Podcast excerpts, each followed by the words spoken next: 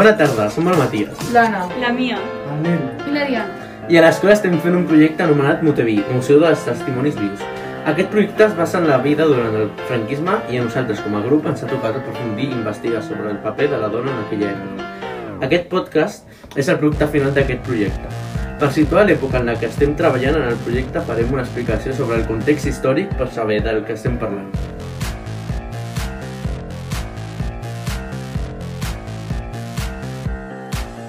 Període històric que té lloc just després de la Guerra Civil Espanyola, la qual va guanyar Francisco Franco, que després es va convertir en el governador d'Espanya. Aquest període polític es desenvolupa entre els anys 1939 i 1975. Com que aquest període dura bastant, els historiadors el van dividir en dues frases, totalitària i tecnocràtica. La fase totalitària. Aquesta fase va ser l'any 1939 fins l'any 1959. En aquest període es basa un sistema polític molt semblant al dels règims feixistes. De mentres, a la resta del món tenia lloc la Segona Guerra Mundial, però Espanya acabava de sortir de la Guerra Civil i no tenia prou recursos per lluitar. A Espanya estan en el temps difícils de la postguerra. Políticament intenten reprimir qualsevol tipus de manifestació d'idees democrates i oposada a les idees franquistes. Deci- Decideixen que el règim es reconegui internacionalment i es van obligats a alliberar una mica la seva economia, però no una, una liberalització política. Segueix havent una estancació econòmica. La fase tecnocràtica va des de l'any 1959 fins a l'any 1975. El gran canvi va ser que va deixar de portar-se a fer amb, amb els règims fe- feixistes i va passar a tenir una economia capitalista. Hi havia desenvolupament i creixement econòmic notable però desigual. A més, això no va fer, cam no va, no va fer que canvi res respecte a la política, segueix, segueixen aferrats a les mateixes idees. Durant els dos últims anys de la, del franquisme d'aquesta època, del 1973-1975, Espanya es troba en una crisi econòmica i política important a causa de la pujada dels preus del petroli. Franco va establir un règim totalitari. Ell tenia el poder sobre tot. Va crear un partit únic anomenat la Falange Espanyola Tradicionalista i de les Juntes d'Ofensiva Nacional Sindicalista. Va suprimir les institucions i les llibertats democràtiques, els estatuts de Catalunya i el País Basc i les eleccions. També es van suprimir alguns dels drets humans com la llibertat d'expressió i d'associació. Aquesta dictadura va desenvolupar unes, llei, unes lleis anomenades lleis fonamentals per fer una simulació d'una democràcia que no va existir mai. Una d'aquestes lleis era el Fuero del Trabajo, que declarava els principis laborals del nou règim i prohibia la vaga. L'exèrcit, l'Església Catòlica i la Gran Burgesia eren els que recolzaven aquest nou règim. La Gran Burgesia tenia domini econòmic. L'exèrcit garantia el funcionament del règim i que ningú es revoltés i l'Església va agafar el predomini sobre l'educació. La base d'aquest règim va ser el nacionalcatolicisme, que es basa en la religió catòlica. En aquella època, tot bon ciutadà havia de ser catòlic, com Franco. L'Església Catòlica va ser un dels grans suports del règim de Franco. Per això, Franco va intentar que l'Església Catòlica estigués present en tots els hàbits de la vida. L'Església participava en la política i en la vida social. A part del mal estat econòmic en el que es va quedar Espanya durant la postguerra, amb l'arribada de Franco al poder va haver-hi un gran retrocés per la dona, tots els drets que hi havia anat adquirint. Aquests en són alguns exemples. El marit tenia autoritat de representació sobre la dona, i si aquesta estava soltera era el pare que la ten- el que la tenia, i si no el germà. Sempre abans de fer alguna cosa, la dona havia de demanar permís a la seva autoritat de representació. Les dones no podien anar soles pel carrer i havien d'anar acompanyades per algú de la família. La dona no podia treballar d'oficis que estiguessin relacionats amb l'exèrcit, marina, mercant, i tots els oficis que es consideren d'homes. A part d'això, la dona obtenia un salari molt inferior al dels homes per la mateixa feina. Es va, es va prohibir avortar i quasi no es tenien coneixements sobre els anticonceptius. L'home era el que tenia la pàtria protestat dels seus fills. Les dones menors de 25 anys no podien abandonar la llar sense, per, sense permís dels seus pares a no ser que fos per casar-se. No tenien dret al vot, l'adulteri era un delicte que era molt penat però només per a les dones i derogació de les lleis del divorci. Les escoles eren separades per sexe. A l'escola les dones només feien assignatures domèstiques, religió, formació política, sobre la falange, música i gimnàsia. Les dones no podien vestir com volguessin, sinó que havien de vestir amb roba gran i sense ensenyar res. Centrant-nos en la dona, durant l'època del règim franquista, la dona, per reivindicar-se, podia ser empresonada, algunes potser assassinades, i la majoria de dones eren violades i fins i tot humillades. Les dones a l'arribada del franquisme van perdre els drets que havien aconseguit en la Constitució del 1931. El règim va involucrar el model perfecte de com havia de ser la dona. en el qual havia d'obeir a un home perquè sabia les conseqüències. D'aquesta manera, deien que així la societat, la societat quedaria estructurada de manera lògica. Alguns punts de la guia eren els següents. La dona havia de tenir llest al sopar quan arribés el seu marit a la feina, ja que consideraven que l'home estava molt cansat i també deien que era una forma per demostrar que havia estat pensant en ell i que et preocupaves de les seves necessitats. Aquesta s'havia de demostrar el millor possible pel seu marit o distreure'l, per quan aquest arribés a casa del treball i no avorrir-lo. S'havia d'ocupar de la casa, havia d'estar perfecte abans de que el marit arribés a casa, fer-lo sentir en un paradís de descans i ordre, entre altres tasques per preparar dels teus fills els vols veure lluents. D'altra banda, quan el marit arribava a casa, ella havia de procurar que no hi hagués soroll a casa, que la rentadora no estigués funcionant ni aspiradora i vigilar que els nens no cridessin. Havia de veure feliç al marit. Aquesta felicitat era la recompensa per al seu esforç diari, a més, de la, a més, a més l'havien d'escoltar. Abans de parlar de coses importants que li hagués de dir ell, havia de ser primer ell en parlar, ja que els seus problemes eren més importants que els teus. No et podies queixar si arribava tard, o si, venia, o si no venien tota la nit. Havies d'entendre el seu món, pressió i compromís, i no et podies saturar amb els teus problemes insignificants que no eren res comparat amb els que ella estava passant. Deixant de banda la guia de la dona perfecta, les dones no podien heretar. Tampoc podien sortir de la casa dels pares fins als 25 anys, si no era per matrimoni o per fer-se monges.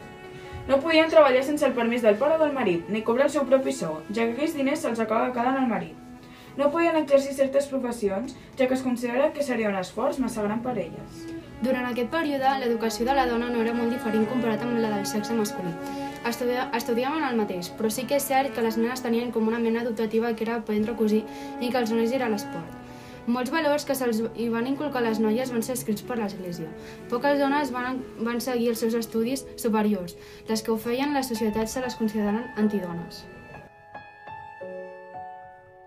En aquest podcast entrevistarem a tres persones. Primer, Hortència Canó, una dona que ha crescut en una família humil que recolza la ideologia republicana.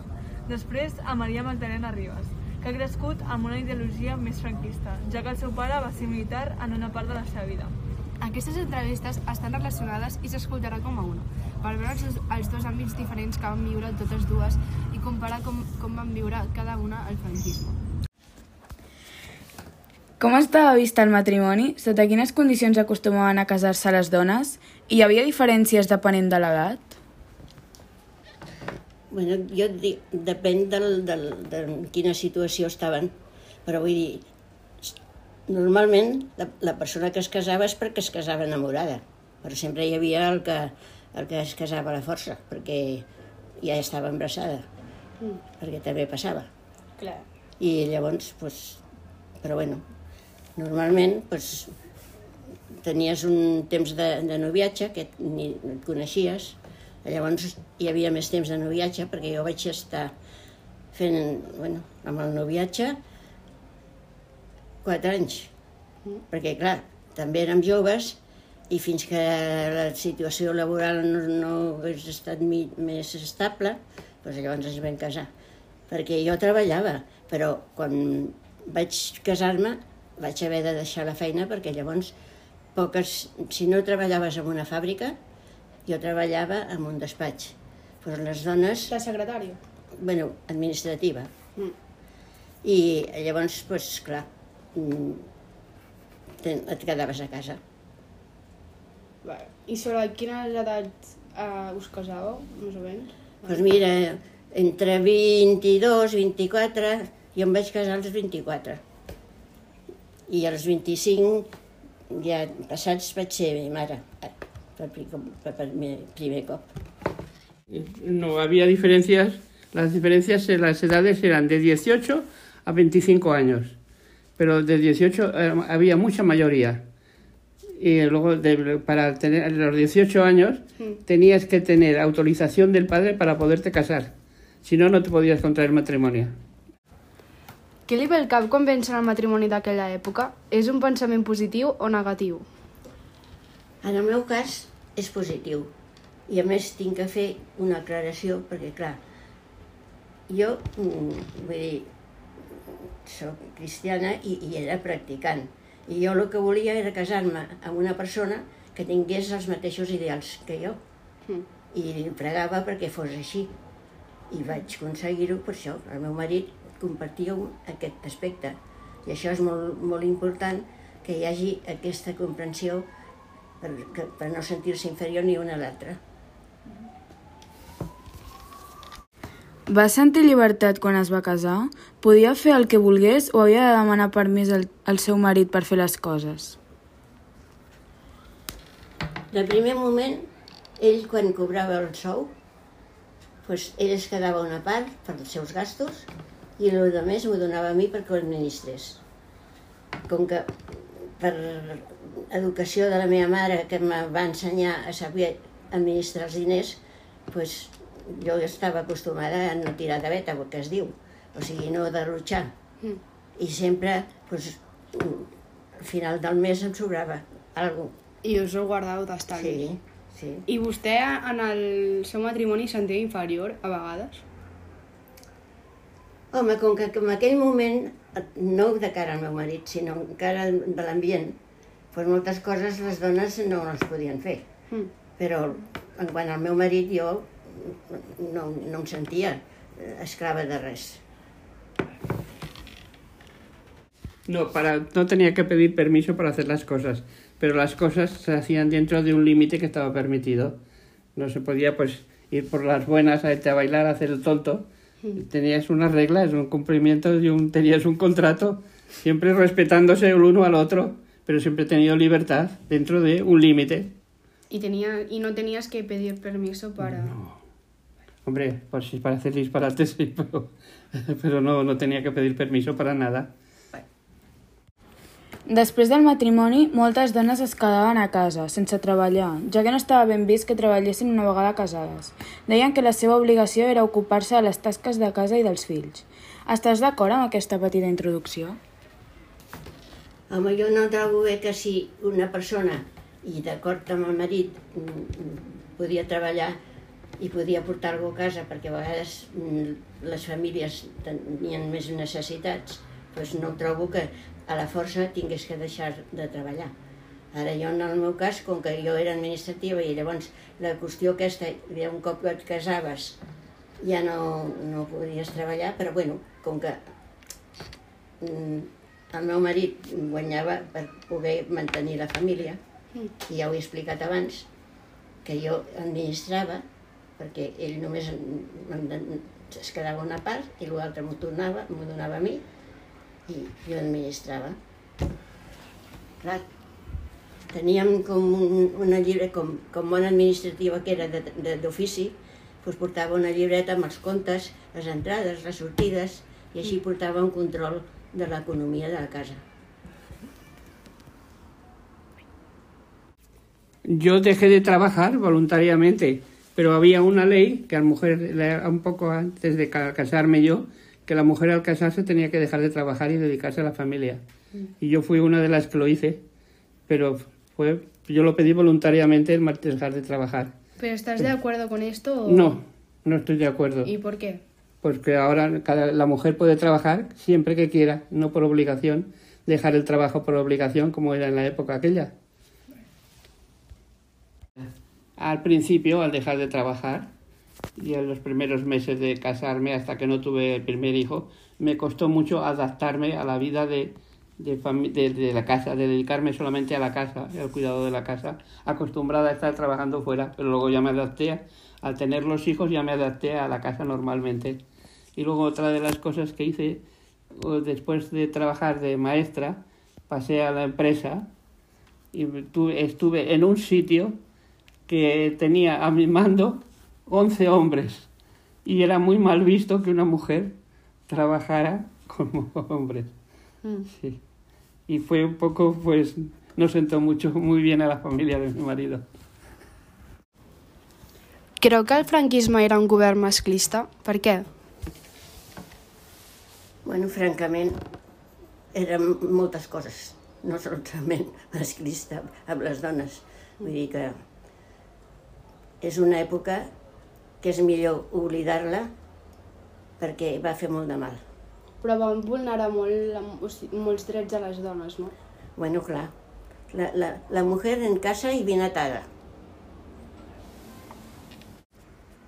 Quines posicions ocupaven normalment les dones en el món laboral? Depèn, depèn de les, de les de l'educació que haguessin tingut. Perquè normalment a vegades si eren gent senzilla, doncs mira, eh, tra- anaven a, a fer feines a les cases. Si de llavors, doncs mira, feien de modistes, coses, coses així. Vull dir, Depenent de la classe social tenien... exacte. Depèn de la classe social que tinguessin els estudis o el que sigui, doncs es podien emplear. Gracias. Bueno, las profesiones más frecuentes, no muy frecuentes, porque había muy pocas que teníamos estudios, eran maestras, enfermeras y comadronas. Eran las más comunes. De vez en cuando alguna empezaba a estudiar medicina, pero muy pocas. Pero en la- aquella época nuestra éramos muy pocos, muy pocas las personas que teníamos estudios. ¿Y usted a qué se dedicó? Y yo me dediqué a... trabajé de maestra. ¿Puedo decir el lugar? Sí. en la calle Carolinas de Barcelona, el Colegio de Monjas del Sagrado Corazón, Cerca de nuestro cole, ¿no? y allí trabajé de profesora de matemáticas. Estuve trabajando unos tres años aproximadamente, pero después lo dejé y me pasé a, un- a trabajar a otro sitio, a un despacho, que trabajaba en un despacho que todos eran hombres y yo tenía que dirigir a aquellos hombres. ¿Eh? Y después ya dejé de trabajar un mes antes de casarme, que era el permiso de vacaciones. Cogí el permiso de vacaciones, dejé un mes antes de trabajar. Luego, definitivamente, por la ley, como la mujer no podía tra- trabajar, tenía que dejar de trabajar, pues ya lo dejé de trabajar. Pero con una, con- tenía una condición, que en caso de divorcio o de abandono, tenía un, un contrato firmado con la empresa que tenía derecho a volver. ¿Y qué empresa trabajaste? Con Butano S.A. Funcionaria. Com estava vist per la societat que les nenes estudiessin? Home, jo crec que depèn de l'ambient que tinguessin, perquè mm, el que tinc, o sigui, si econòmicament els hi podien pagar els estudis, no hi havia cap mena de, de, de tabú perquè estudiessin. Mm. Perquè ara faig un incís, perquè aquest, aquests dies se n'ha parlat molt de la, Maria, la custòdia. Com, com? Sí, la pregonera de, de les festes de la Mercè, Sí. s'ha parlat molt, perquè ella vivia en barraques i el seu ambient era pobríssim. I en canvi ella va poder arribar a estudiar i era infermera, o és, perquè encara viu. Gràcies. Entre nens i nenes s'estudiava el mateix? se estudiaba lo mismo, pero las niñas hacían costura, se enseñaba a hacer botones y demás. Y luego una cosa, las niñas no iban hasta los 14 años, muchos iban hasta los 9, 10 años porque tenían que ayudar a cuidar a los hermanos pequeños y no tenían, eran un poco analfabetas. Hasta los, Al- al 14 volver a eran, niña- eran, era obligatorio hasta los 14 años, pero muchas niñas los dejaban a los 8 o 9 años porque tenían que a cuidar a los hermanos pequeños porque las madres tenían se dedicaban a lavar, a planchar y tenían que cuidar a los hermanos pequeños. O sea que la formación en aquella época la mujer o estábamos muy preparadas o muy mal preparadas o no sabían nada, ni leer ni escribir. Y, lo- y los Y niños, los si no- niños si no los aguantaban más. También los niños los aguantaban, estaban hasta los 11, 12 años, pero muchos no acababan hasta los 14 porque tenían que ayudar a los padres al campo y a los menesteres que hacían, a coger la leña, porque como no había seguridades sociales, pues tenían que, tenían que vivir de lo que tuvieran. No, no, no tenían una pensión después de jubilación. Pero en, como las niñas hacíais costura, ¿los niños qué hacían? Deporte, fútbol, deporte, gim- gimnasia, ¿Y pero las poca. clases estaban divididas por sexos? Es- eran, eran bloques, un bloque de niños y otro bloque de niñas, o sea, eran edificios distintos. Vale. Estábamos separados. Va tenir dificultats a l'hora de permetre's els estudis? Com ho va viure? Com ho va viure? Bueno, en realitat, mm, clar, quan arriba una, una edat, a un d'allò et deien, què vols fer? Vols fer eh, batxillerat, que es deia abans, o què? I jo batxillerat no, perquè mm, s'havia d'anar a l'institut i jo, a mi em feia molta por a l'institut. I a més a més, per treure't una carrera de llavors, tenies que fer servei social, que era de la falange, i com que jo no volia estar amb tot aquest jaleo, doncs, bueno, vaig es- escollir millor aprendre comerç lliure, que es deia. I llavors aquí entrava l'administració, mm, mecanografia, tot coses per, per, per treballar en una oficina. Però va, va tenir em, dificultats per estudiar, o sigui... No, no, no, perquè els meus pares, doncs, era sola jo, doncs, a més, doncs, vull dir, clar, vaig anar a una acadèmia, no vaig anar a un, a un col·legi mm, públic, però vaig anar a una acadèmia. Però va poder tenir una educació perquè els seus pares treballaven molt. Sí, Ja. home, i, i ells, clar, dir, era filla única, perquè si haguéssim sigut més germans, doncs, potser no hagués pogut ser, però doncs, amb això ells en van... I, bueno, també va, vaig procurar que, que, no, que tot tirés endavant, no perdre el temps. Nos- nosotros éramos una, una familia media, de clase media, y todos los hermanos pues tenemos estudios, todos hemos tenido una carrera, pero era la única cosa que nuestros padres, la mejor herencia que nos decía que nos podían dejar es dejarnos una formación para que nos pudiéramos defender en la vida. Quina era la situació a casa teva? Quin paper tenien el, els seus pares? Quina era la vostra situació econòmica? Éramos, éramos, eh, de, la, de clase media, y las, entonces mis padres, los dos tenían estudios, y mi madre no trabajó, de, al casarse ni nunca había trabajado. En nuestra casa, mientras éramos pequeños, hemos tenido siempre criadas en casa, pero luego ya al hacernos mayores y emanciparnos, pues ya no hemos tenido criadas. Mi, mi padre era comandante de la Guardia Civil y después se pasó a destinos a los juzgados y estaba en el departamento de matrimonios. Sí, porque todo lo dirigían los hombres, las mujeres. Éramos un cero a la izquierda, para todo necesitábamos permiso de autorización y todo, o por, al casarte, permiso del marido. Pero suerte que en Cataluña hubo la ley de separación de bienes, que así la mujer no tuvo que pedir permiso para disponer de todos sus bienes. Sí, porque todo lo dirigían los hombres, las mujeres. Éramos un cero a la izquierda, para todo necesitábamos permiso de autorización y todo, o por, al casarte, permiso del marido. Pero suerte que en Cataluña hubo la ley de separación de bienes, que así la mujer no tuvo que pedir permiso para disponer de todos sus bienes. Com va viure el franquisme en la seva infància i en l'adolescència? Bueno, en la meva infància jo vaig néixer el 1936, quan ja va esclatar la guerra, perquè havia esclatat el juliol i jo vaig néixer a l'octubre. I clar, jo llavors estava al limbo.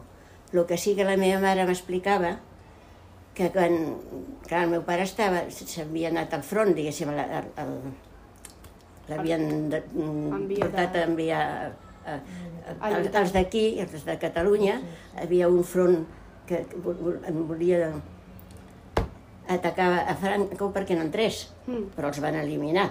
La majoria van morir. El meu pare va, el van fer presoner, però va estar bé, perquè com que ell tenia l'ofici de, de, de forner, doncs el van posar a intendència en el, en el lloc on, on estava recollit.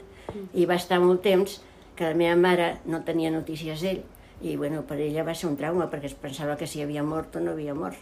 I vostè en la guerra com, com la va viure? Bueno, i llavors a la meva mare, una de les coses que, que sempre m'ha explicat, que clar, jo si tenia un anyet o així, i, i, i, i des de traspassava la Diagonal perquè vivíem al barri de les Corts. I clar, quan, quan venien els avions a bombardejar Barcelona, doncs ella corria amb, amb, amb mi en braços i jo amb el satseig de, de córrer reia. I ella, clar, li feia més pena de pensar, mira, pobreta, com, com ella riu i no sap el que està passant. I us dirigeu cap al refugi, no? Sí. Moltes gràcies per haver-nos dedicat el seu temps i estem molt agraïdes i Bueno, jo també us tinc que agrair perquè hàgiu comptat amb mi, perquè eh, també a, a les iaies ens agrada explicar històries. Moltes gràcies per haver-nos concedit aquesta entrevista, ja que ens, ens, ens ajuda molt pel nostre treball. Vol, vol dir algunes paraules? ¿eh? Pues eh, yo os he ayudado todo lo que he podido. Pero yo, claro, eh, la, la situación vista de una manera en un sitio o en otro, yo pertenezco, al, he nacido en el interior de, España, pues se veía la, guerra de otra manera y, y todo distinto que como se, vive, se vivía actualmente en Barcelona, se vivió entonces. Que yo no pasé calamidades ni pasé problemas y además en la familia nunca se habló de la guerra para nada.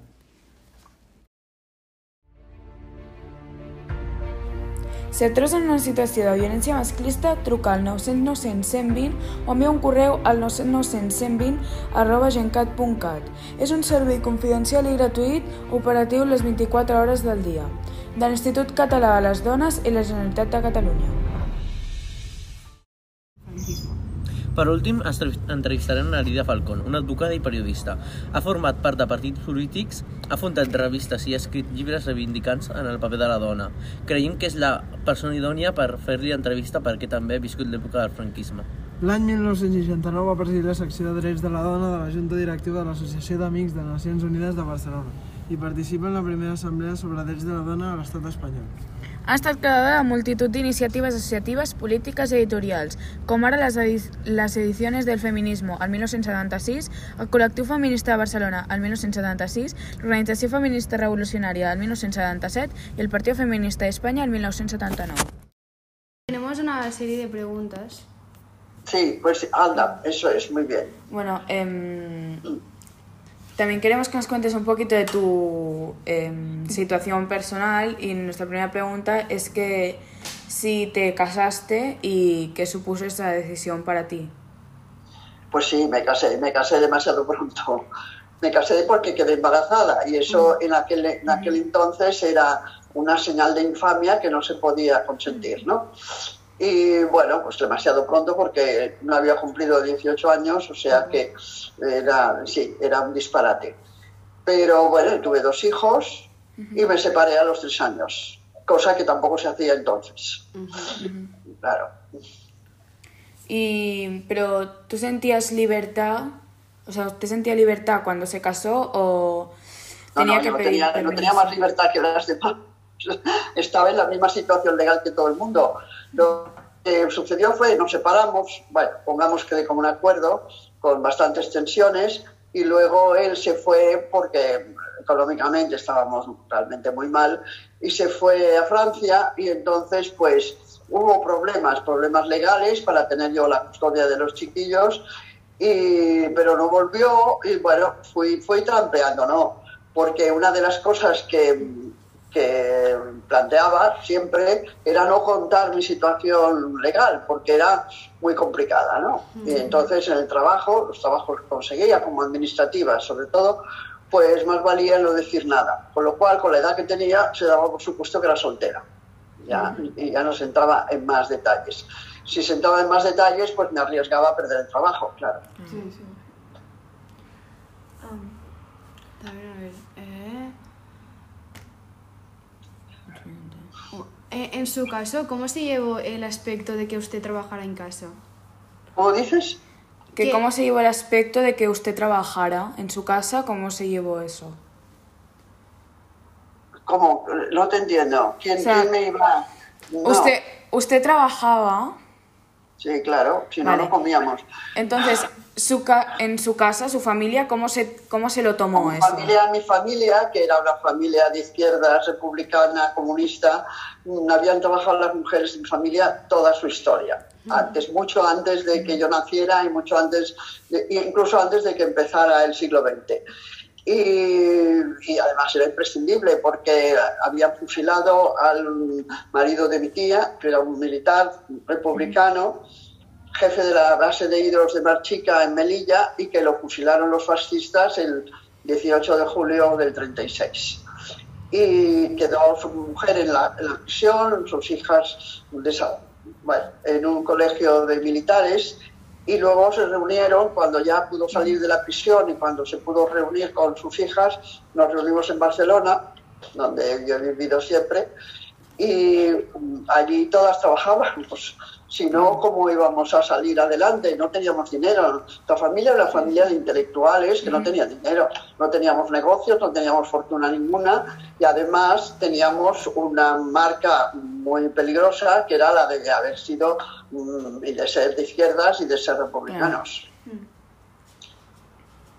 Em, y bueno, aunque ya hemos investigado sobre el tema, usted, contribu- usted contribuyó en algunos partidos políticos y nos gustaría, bueno, y en campañas eh, para de- defender los derechos de la mujer, y nos gustaría que nos explicara un poco em, pues cómo lo vivió y qué hizo para llegar hasta donde No, está pero hoy, ¿no? esto es una biografía, ¿eh?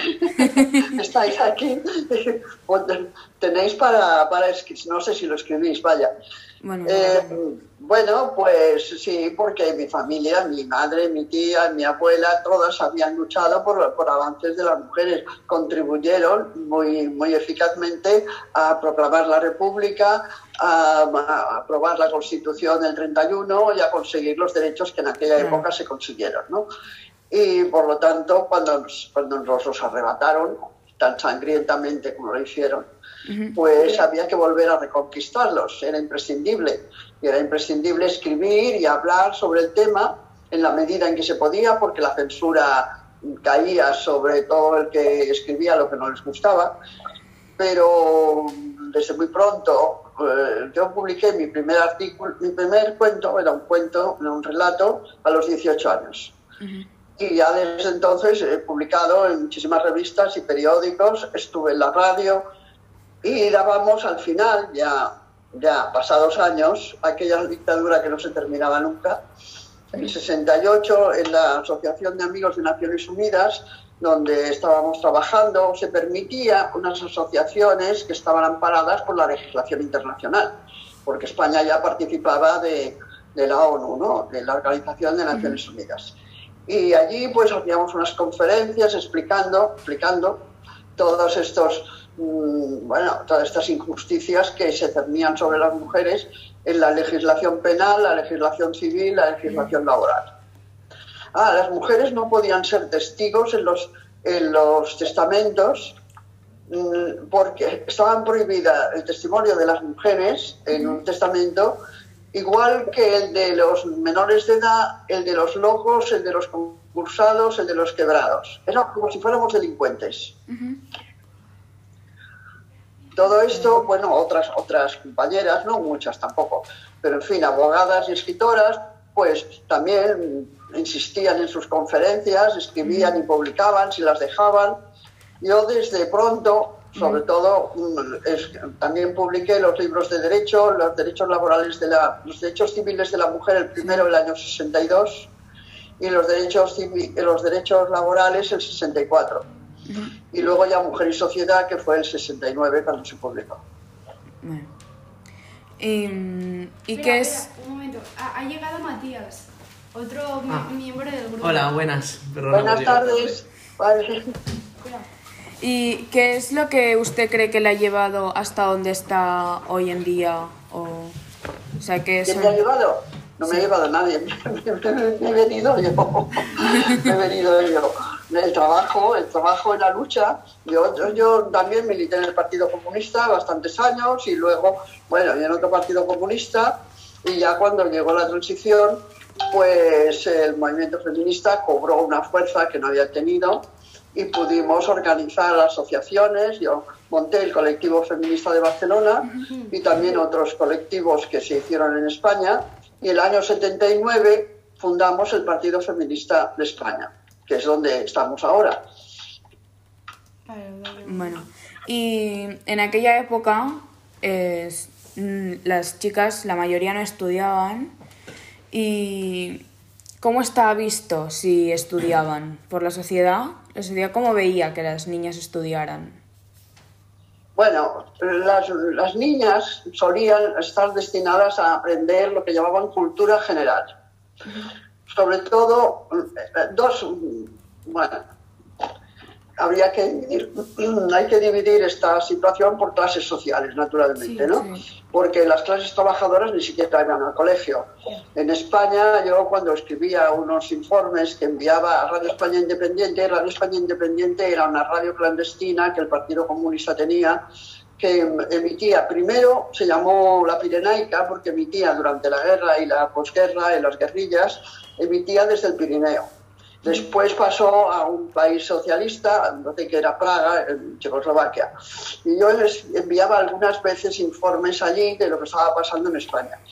Y me acuerdo que cada principio de curso explicábamos que había en Barcelona y en Madrid, el resto de España ya no teníamos datos, ¿no? Eh, había 50.000 niños sin plaza escolar cada, cada principio de curso. Pero la mayor parte de las que no iban a clase eran las niñas. Entonces ya, pues si hablabas de una clase trabajadora más acomodada o clase media, pues lo que estudiaban las, las chicas era cultura general y comercio, se llamaba, las que iban a trabajar. Esto en Cataluña, las muchachas mm, trabajaban mucho más que en el resto de España.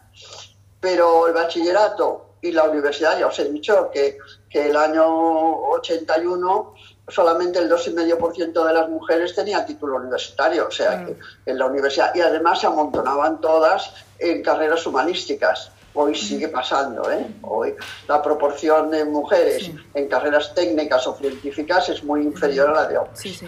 Pero entonces realmente es que no existían. Una amiga mía que, que hizo, eh, era mecánica industrial, me parece, porque el padre lo era y quería que lo hicieran, y bueno, habían sido, eran de izquierdas y querían avanzar, era la única en la clase con, no sé, 80 o 90 chicos. Y las que estudiaban en la universidad eh, estaban, bueno, casi todas amontonadas en historia, en geografía, en literatura, ni siquiera filosofía. Filosofía también era una disciplina masculina.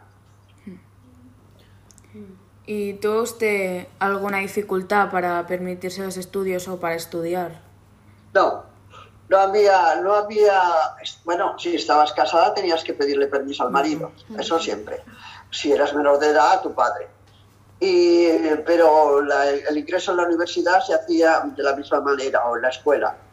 Ahora, eh, después la proyección, la proyección económica, la proyección profesional era nula prácticamente. Yo terminé la carrera de Derecho en el año 60, ya no eran los primeros años de posguerra, y mm, éramos seis mujeres y bueno, por ahí tengo la, la orla, me parece, no sé, pero debimos, debieron salir 80 o 90 chicos y éramos seis mujeres en mi, en mi promoción. Y la siguiente promoción, la del 61, pero yo, yo adelanté un curso durante la carrera, que yo hubiera tenido que terminar un curso después, éramos, eran nueve, nueve mujeres frente a 80 o 90 chicos. Esta era la proporción en derecho, porque derecho tampoco se consideraba una carrera femenina. Eh, las carreras femeninas, bueno, aparte de maestra, el magisterio, sí, magisterio estaba lleno de, de mujeres. Y entonces las niñas tenían que hacer labores, aparte de religión y, y las doctrinas políticas del régimen, que eso se lo enseñaban también a los chicos, también ellas hacían labores, sobre todo en la carrera de magisterio. La carrera de magisterio, la de enfermería, o sea, carreras auxiliares, que es, enfermería sigue hoy eh, Sí, siendo absolutamente más femenina, ¿no? Y mm, hay administrativas, secretarias, secretarias, enfermeras y, y maestras eran secretarias, enfermeras y maestras eran carreras eh, fundamentalmente femeninas. Ya la carrera de medicina eh, la cursaban algunas mujeres y ca- casi todas, por no decir todas, se especializaban en ginecología o, o pediatría. Claro. La segregación no era una segregación como la musulmana ahora que vemos de algunos países, ¿verdad? Una cosa horrible, pero había una segregación evidente entre el mundo femenino y el masculino. Y la mayor parte de las mujeres pues estaban destinadas a ser amas de casa y madres. Hemos hablado de la maternidad antes, ¿no? Entonces, si tienes ocho hijos, difícilmente puedes trabajar además, ¿no? Claro. Bueno, esto las, las campesinas sí que cargaban con esa, porque también trabajaban en el mismo espacio donde, donde vivían. Pero cuando tienes que desplazarte de tu casa y dejarte los niños, no había guarderías infantiles. Una, una de las reclamaciones que yo seguí durante años, entre otras cosas por mi propio problema, era la de conseguir guarderías o jardines de infancia para los niños pequeños, porque no, no existían. Desde el punto de vista público, nada. Y las privadas eran muy, muy pujas. Además, las mujeres que llevaban a los niños a, a esos sitios se consideraban malas madres. Si tú no estabas con el niño pegado todo el día y cuidándolo, pues no eras una buena madre. Así se apartaba además a las mujeres del mercado de trabajo. Ahora hay una campaña que a lo mejor habéis oído de la lactancia materna que está volviendo, ¿verdad? Y que están diciendo que si no el niño pues sale mal, ¿no? Pues esto es una manera de apartar a la mujer del mercado de trabajo, claro. en, un, en un país que hoy vuelve a tener un paro enorme, está muy bien que no tengan, que los hombres no tengan competencia.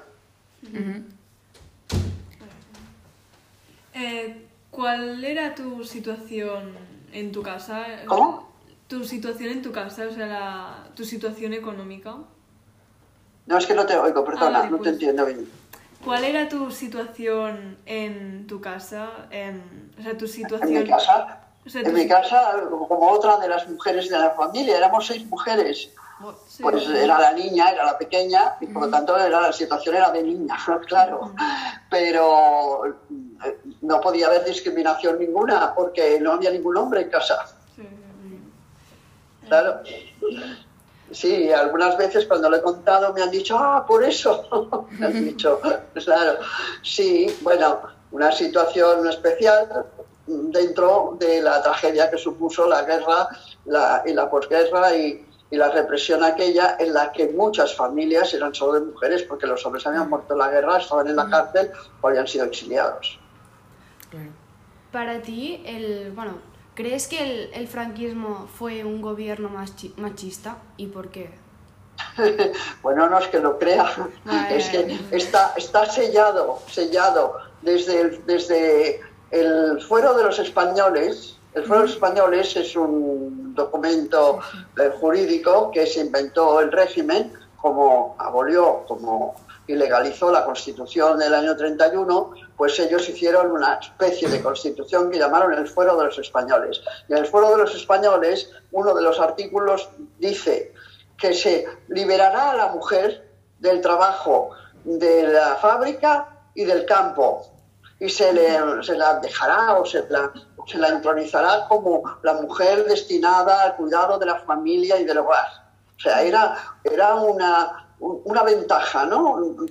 Ya no tenías que ir a trabajar a la fábrica ni al campo, lo que suponía que estabas apartada del mercado de trabajo. Y naturalmente el trabajo doméstico no te lo paga nadie. Claro. Y para usted, ¿cuál fue el mejor momento de esa época? ¿O el que con mejor recuerdo tiene? Bueno, personales tengo muy buenos. Mi familia era estupenda. Ahora, mm, recuerdos buenos de aquella época no hay ninguno. Bueno, ¿Qué recuerdo bueno podemos tener? Eh, los que sobrevivimos, los que sobrevivimos, pues lo hicimos con enormes sufrimientos. Luego, además, yo estuve en la prisión dos veces y me detuvieron siete veces. ¿Y por qué te detuvieron? ¿Cómo?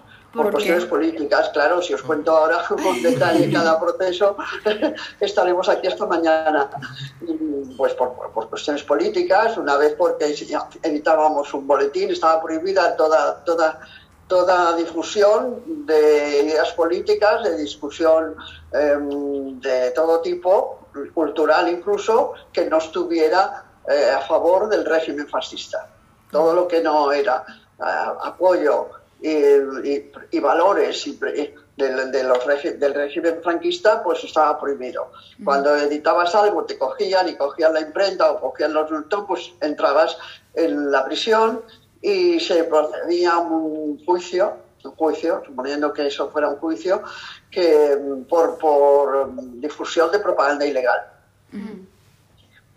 Y, bueno, ¿Y cómo viviste tú eh, tu infancia y tu adolescencia en, en ese tiempo? O sea, en esa época, en el franquismo. ¿Cómo, lo, ¿Cómo viviste tú tu infancia o tu adolescencia? Bueno, yo os voy contando, lo podéis imaginar. Mi infancia pues fue, en mi casa fue estupenda porque afortunadamente yo tuve la suerte que no tuvieron mayor parte de, de las niñas de la época de tener unas madres, una, una madre, una abuela, una tía, unas primas, todas feministas, progresistas, mi, mi padre era comunista, entonces lo que en la casa se vivía era al revés, ¿verdad? La, la, el ansia de, de, acabar con aquella situación y de trabajar por conseguir las libertades más elementales. Ahora, económicamente muy difícil, económicamente fue durísimo, porque además nosotras, de, además de no teníamos dinero, ni teníamos herencias, ni empresas, ni nada, no teníamos tampoco, yo digo no teníamos, yo era una niña, ellas no tenían una profesión, eh, podríamos decir, práctica, porque mm. si eras obrera, por lo menos, aunque ganaras poco, podías ir a una fábrica. Pero en familia eran intelectuales, eran escritores, eh, mi, mi abuela era música, y todo eso no se valoraba nada. Y además, si tú no tenías una recomendación fascista, pues ¿dónde ibas a publicar? ¿Dónde ibas a escribir? No podías dar una conferencia que no te censuraran. De modo que la situación económica fue enormemente dura, pero como la mayoría del, del pueblo, ¿no? los trabajadores del país. Pero en cuanto a la relación personal, en cuanto al cuidado que me tuvieron, en cuanto a todo lo que me enseñaron, todo lo que me, formaron, pues magnífico, claro. Muy pocas, pocas, bueno, las familias que se vieran en la misma situación. En realidad, puesto que mi padre había sido el director de Mundo Obrero, el periódico del Partido Comunista, eh, César Falcón, y mi madre había trabajado, Enriqueta O'Neill había trabajado, había escrito en varios medios comunistas también, y mi tía, lo que tenía que haber pasado es que nos hubiéramos exiliado como se exiliaron, se exilió un millón de, de, personas, tanto trabajadores como intelectuales, como científicos, médicos, políticos, alcaldes, los que sobrevivieron, ¿no? Sí. Pero en el momento en que terminaba la guerra, habían fusilado a mi tío, como os he dicho, al marido de mi tía, y ella estaba en la prisión, en la prisión de Melilla, en una, en una fortaleza medieval espantosa, donde metieron a miles de mujeres. Y, y, mi madre, mi abuela, conmigo en brazos, yo tenía tres años cuando terminó la guerra, pues no se las iban a dejar allí. Es que eso era evidente, ¿no? Tenían que intentar luchar por sacarlas de la, de la prisión y por reunirse. Al final lo consiguieron.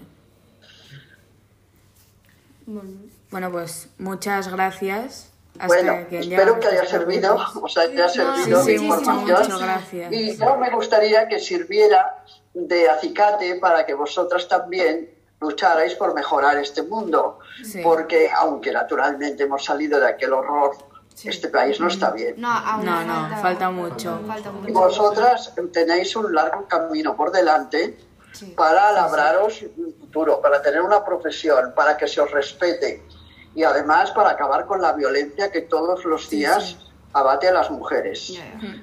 Tened mucho cuidado. Este es un consejo práctico y personal. ¿eh? Os aconsejo que no os metáis en botellones, en discotecas, que no volváis de madrugada solas por la calle, porque la situación no, no se ha normalizado. No, no, no, podemos decir que las mujeres tienen seguridad no. y que son valoradas como se merecen por todos los hombres. Falta mucho por luchar. Y cada día, desgraciadamente, tenemos la noticia de una mujer violada o de una asesinada. Y por tanto, es imprescindible que vosotras también luchéis en el feminismo. Y tú también, compañero.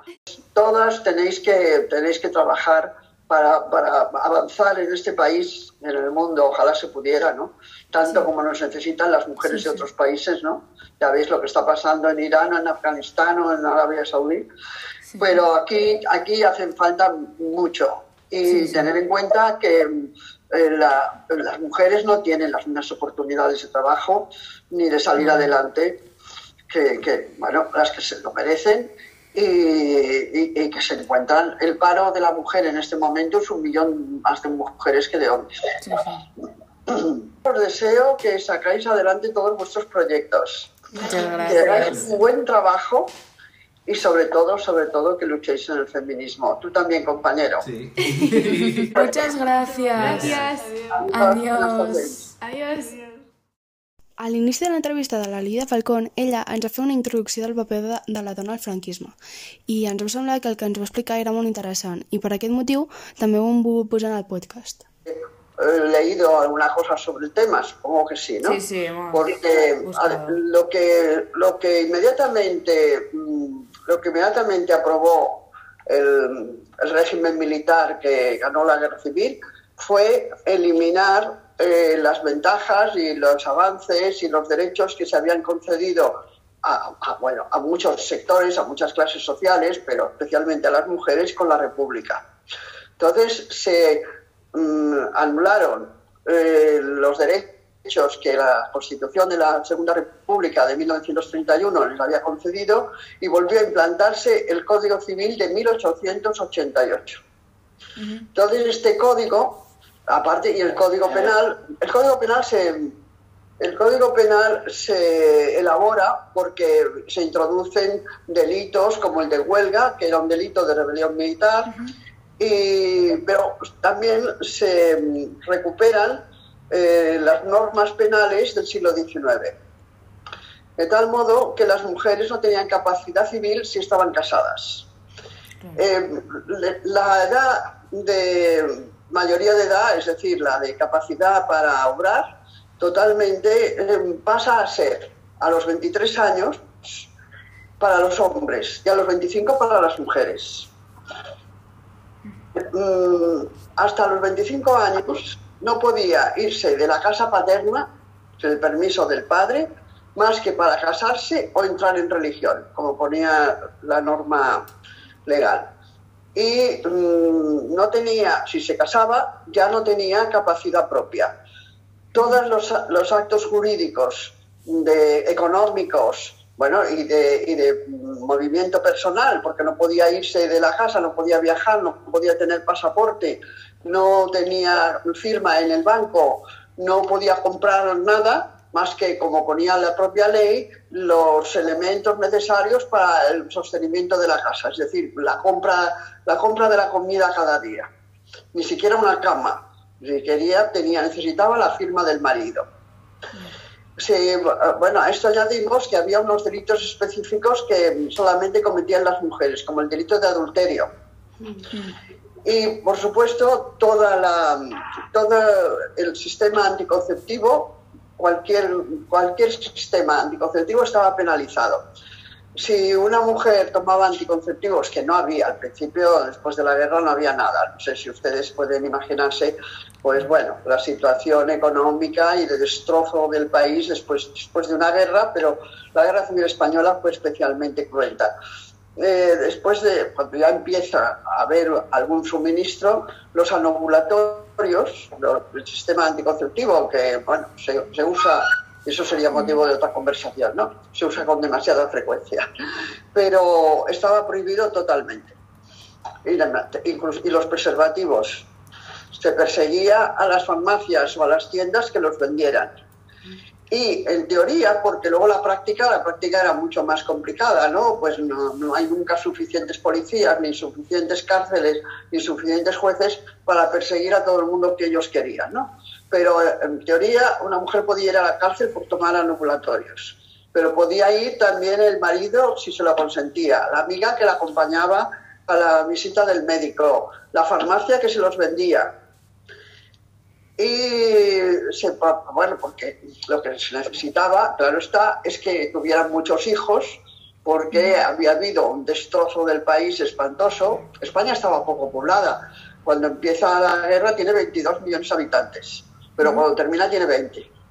Se han perdido 2 millones entre los muertos, los que están encarcelados, los exiliados, y hace falta repoblarlo, ¿no? Además, eh, eh, la economía se ha hundido. Los- en las zonas de guerra no se puede cultivar, no, se- no hay comida, eh, no hay transporte, la gente ha huido de los pueblos, están vacíos. Eh, una población, por ejemplo, os voy a poner, vosotras estáis en Cataluña, ¿verdad? Sí. En Barcelona. Sí. Sí. Bueno, pues en Lérida que tenía 100.000 habitantes, más o menos los que tiene ahora, cuando termina la guerra civil tiene 6.000. O sea, se han abandonado las fábricas, se han abandonado los comercios, se han abandonado las casas. Es necesario repoblar el país y las únicas que lo hacemos somos nosotras. Entonces se obliga de una manera cruel a las mujeres a tener hijos. Y además se mm, otorgan unos premios de natalidad anuales que mm, es una fiesta, es una celebración, es una campaña que se hace para incitar y para que las familias, sobre todo las familias pobres y obreras, pues estén contentas. Y yo recuerdo, era una niña, cuando oí por la radio que el premio de natalidad de aquel año se le había concedido a una familia, ponía, tenía que ser claro, a la pobre madre, que había tenido 23 hijos. Sí. 23. La cara vuestra, ¿verdad? Demuestra los, los tiempos que han pasado. Los tiempos que han pasado, sí. Pero bueno, familias de 10 y 15 hijos no eran tan, no eran tan extrañas. En la media de natalidad, el año 75, que es una media que se consigue hacer va, más o menos, era igual que la media latinoamericana. Estaba en 5.5 hijos por mujer adulta, lo que supone que muchas tenían 10. Bueno, las mujeres estaban destinadas a la- al trabajo más penoso, por supuesto trabajaban en el campo, y luego en las fábricas, en Cataluña especialmente, en el sector textil. Ahora el sector textil en Cataluña no es tan importante, pero entonces sí lo era. Y tenía prohibida el ejercicio de determinadas profesiones, la mayoría relacionadas con las carreras jurídicas. Las mujeres no podían ser ni jueces, ni fiscales, ni magistrados, ni notarios, ni diplomáticos, ni, por supuesto, mm, la- utilizar las carreras que llevaran uso de armas, la, la policía, la Guardia Civil, el ejército, etcétera. Eso supuso retirar del mercado de trabajo a, a millones de mujeres, ¿no? que estaban reducidas al trabajo agrícola, que habían hecho siempre, por otro lado, del que no cobraban nada, porque solían ser propiedades eh, familiares. Entonces trabajaban, bueno, por la subsistencia. Y también el trabajo obrero con unos sueldos misérrimos, que eran del 25 al 30, al 40% inferiores a los de los hombres. Hasta el año 61 no se consigue que se apruebe la ley de derechos políticos, mm, mm, políticos profesionales de trabajo de la mujer que establece la igualdad de salario para la igualdad de, de trabajo. Pero hoy no se ha conseguido todavía, supongo que lo sabéis, ¿no? Sí, sí. Bueno, pues eso es una reclamación que está pendiente desde la Revolución Francesa, ¿m? en 1789. Sí. Pero naturalmente el año 61 de 1900 en absoluto. Entonces se, se aprueba, es una ley que se aprueba y el reglamento de aplicación al año siguiente, pero eh, establecía una condición, que tuvieran el mismo rendimiento. Sobre todo esto servía para los trabajos manuales, que son los que se puede ver un poco el rendimiento, ¿no? La cantidad de tareas realizadas o de, o de artículos fabricados. Pero mm, las mujeres eh, cobraban del 25 al 30% menos en las tareas administrativas, en el funcionariado. Bueno, mm, eh, teniendo en cuenta que mm, el año 75, no, el año, el año 80, y, a ver un momentito, el año 83, ya el 82, 1982, se ha aprobado el Instituto de la Mujer, porque ya hemos pasado la dictadura, la transición, eh, ya se han celebrado elecciones, el Partido Socialista gobierna en España y crea el Instituto de la Mujer el año 83. Entonces se hace una, una encuesta para saber en qué situación estamos, porque además no se sabía en general, ¿no? en, en grandes números, y, y se encuentran con que solo el 2,5% de las mujeres tienen título universitario. Sí, ya puedes poner las- los ojos que ponga, teniendo en cuenta también que las clases trabajadoras, por supuesto, no accedían a la universidad.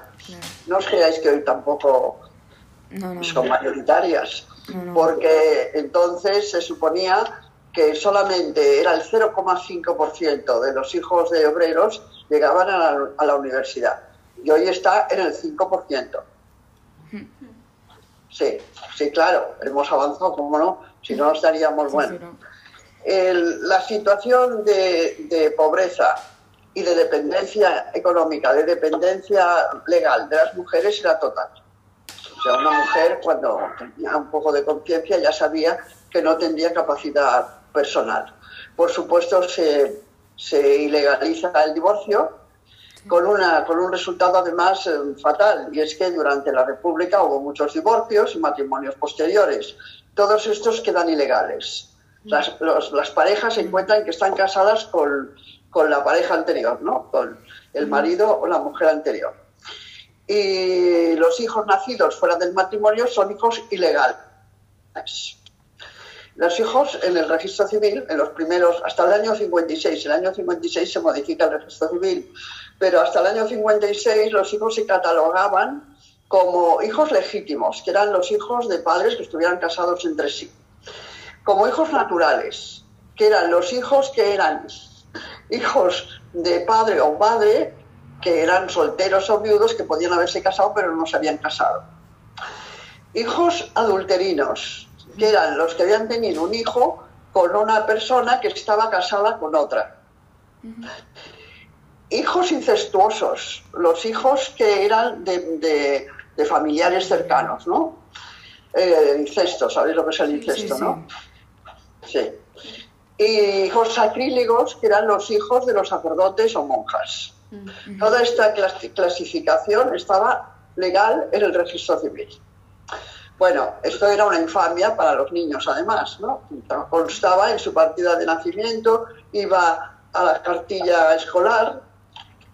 Entonces, eh, el año 56, después de, de algunas críticas, las que pudimos hacer, eh, se cambia y entonces cuando no se podía inscribir como hijo legítimo, se ponía hijo o de padre desconocido, pero la monstruosidad más horrible era que se podía poner de madre desconocida si ella estaba casada con otro. Bueno, mm, como se, se ilegaliza el divorcio y los matrimonios civiles posteriores, hay, cuando termina la dictadura en España hay 5 millones de personas que viven de una manera irregular, que no pueden tener una documentación como tiene que ser, que por supuesto no pueden acceder a algunas ayudas, algunas ayudas económicas que había. Eh, la participación en el trabajo, el año, el año 60 y- 67 yo publico el libro, no sé si habéis mirado, habéis mirado en Google Sí, el currículum mío y los Sí, libros, sí. ¿no? el de Mujer y Sociedad. Entonces eh, lo publiqué en el 69, pero lo trabajé dos años antes, pues estuvo dos años en censura.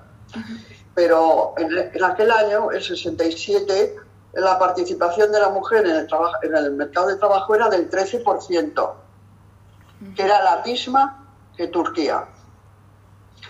Bueno, ahora estamos en el 50 y tantos, pero nos queda mucho, porque son 20 puntos menos que, que en Francia y 30 puntos menos que en Suecia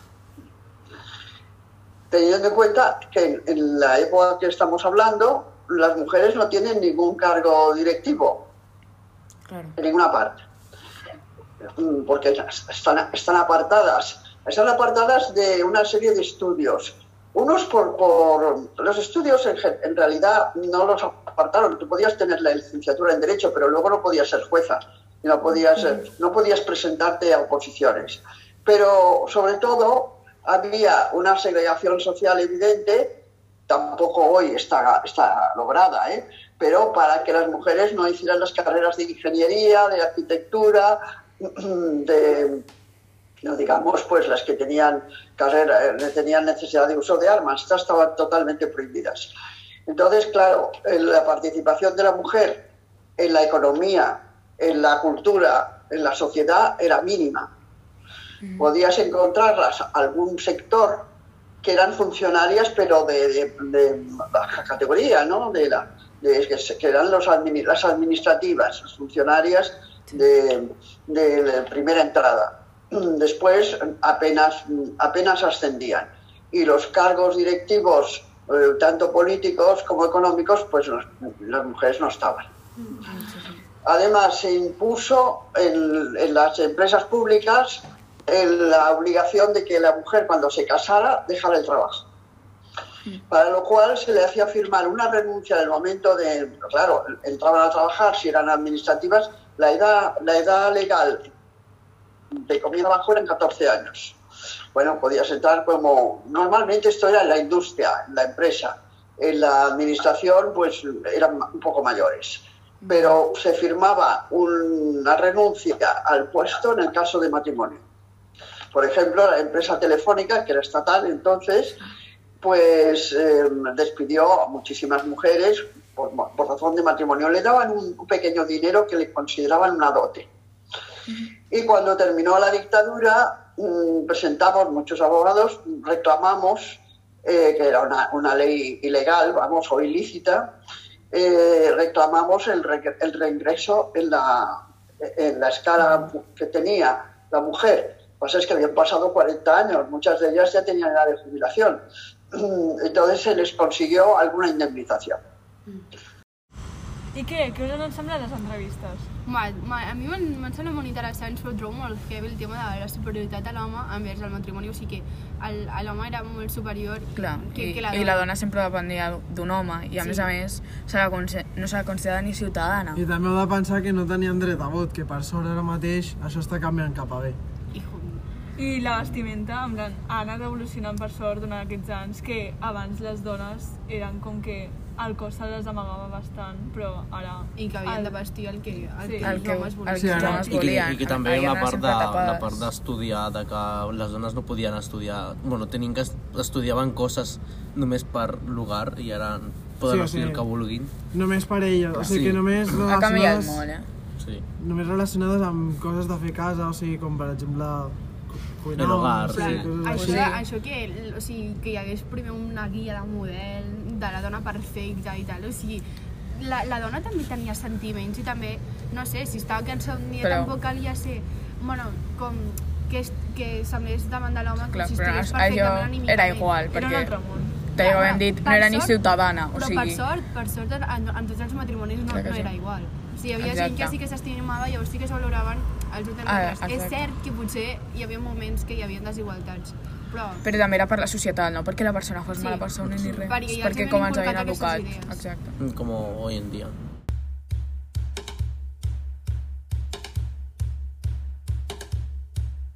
En conclusió, la dona durant el franquisme ja naixia amb un futur marcat. El qual no podia desobeir. Com podem veure, Se la veia enverera a l'home i tenia més desigualtats socials encara que, en aquella època, tots van perdre drets. Ens ha agradat fer aquest projecte, ja que hem pogut aprofundir més i, com que és un tema que, portat a l'actualitat, està molt present en les nostres vides, ens ha agradat molt treballar-lo. Moltes gràcies per estar aquí amb nosaltres. Fins la propera.